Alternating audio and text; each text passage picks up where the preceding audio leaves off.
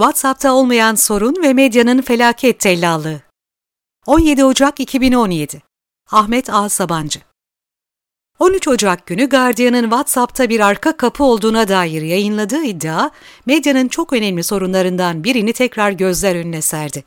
Gazeteciler yaptıkları haberlerin insanları etkileme gücünün farkında değil ve bu yüzden hatalarının ciddi sonuçları olabileceğini öngöremiyor. Guardian'ın haberinde WhatsApp'ın anahtar yönetimi sisteminin işleyişinde Signal'dan farklı olarak yapılan bir değişikliğin asıl amacının insanların şifreli mesajlarını okumak ve yaptıkları şifrelemenin kırılmasını kolaylaştırmak olduğu iddia edildi.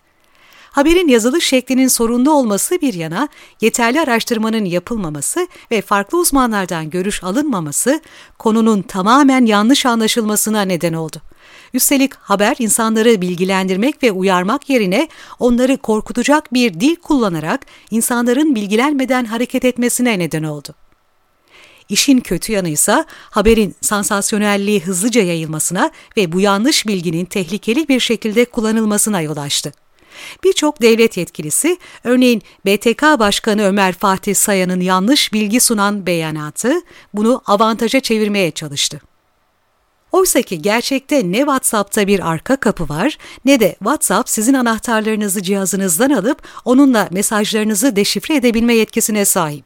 Gerçekte olan WhatsApp'ın tamamen kullanıcı kolaylığı sağlamak için kullandıkları şifreleme protokolü olan Signal'ın barındırdığı bir özelliği doğrudan kullanmak yerine arka planda kullanmayı tercih etmesi.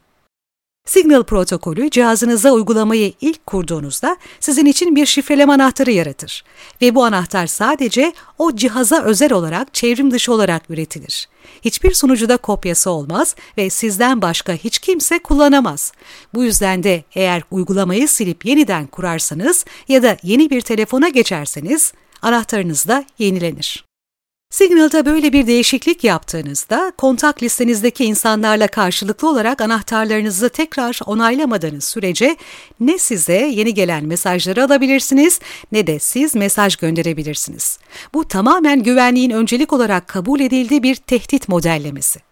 Ancak WhatsApp 1 milyardan fazla bir kullanıcıya ve genel olarak önceliği tüm mesajlarının ulaşmasını isteyen bir kitleye sahip olduğundan bu anahtar onaylama sürecini arka planda gerçekleştirir ve eğer siz ayarlar, sohbet, güvenlik kısmından aktifleştirirseniz size karşı tarafın anahtarının değiştiğini bildirimle söyler. Eğer siz böyle bir bildirim aldığınızda karşı tarafa başka bir yoldan ulaşarak kendisinin bu değişikliği yaptığını, uygulamayı yeniden kurmak ya da yeni telefon almak gibi onaylarsanız aynı derecede güvende olursunuz. Yani ortada bir arka kapı ya da güvensizlik yok. Burada olan uzun zamandır yazılımcılar ve tasarımcılar arasında tartışılan kullanıcı deneyimi mi, güvenlik mi tartışmasının iki farklı örneği. Ve elbette iki farklı tehdit modelinin karşı karşıya gelmesi.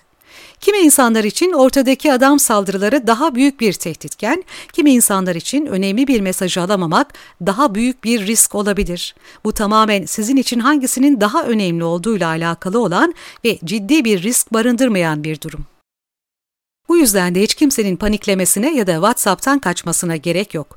BTK Başkanı'nın iddiası ise tamamen asılsız. Çünkü WhatsApp hiçbir şekilde sizin anahtarınızı kendisine kopyalayamaz ya da yeni yaratılan anahtarla sizin mesajlarınızı açamaz. Eğer bu konuda bir şüpheniz varsa protokolün kodları herkese açık. Gidip bakabilirsiniz. Burada en büyük sorun bu konuda haber yazan gazetecilerin alana hakim olmamaları. Ancak hem konuya hakim olmayıp hem de uzmanlarla konuşmadan, gerçekten araştırma yapmadan haber yazmak yapılanın küçük bir hatanın ötesine geçmesine neden oluyor. Özellikle de söz konusu teknoloji, dijital güvenlik ve bunun gibi hayati olabilecek başlıklar olduğunda. Bu örnekte birçok insanı anlamsızca korkutan medya okurlarını riske attı ve gazeteciler bunun farkında bile değil. Özellikle aktivist, avukat ve gazetecilerin yazdığı mesajların istenmeyen kişiler tarafından dinlenmesi çok büyük tehditlerle karşı karşıya kalmalarına neden olabilir. Birçok uzman ve eğitmen WhatsApp'ın güvenli bir şifreleme sistemi olduğunu söylemişken, böyle bir yalan haberle ortalığı karıştırmak insanların Telegram gibi aslında çok daha güvensiz ve riskli iletişim yöntemlerine kaçmalarına neden oluyor. Konunun uzmanları 5 dakikada yaratılan bilgi kirliliğini temizlemek için aylarını harcamak zorunda kalıyor. Üstelik medya kuruluşları bu korku haberlerini çok büyük çabalarla pazarlarken, işin aslı ortaya çıktığında ne özür dilemeye ne de işin uzmanlarının söylediklerini yayımlamaya aynı hevesle yanaşıyor. Bu da doğrunun arka planda kalmasına ve yalan haberlerin altına gömülmesine yol açıyor.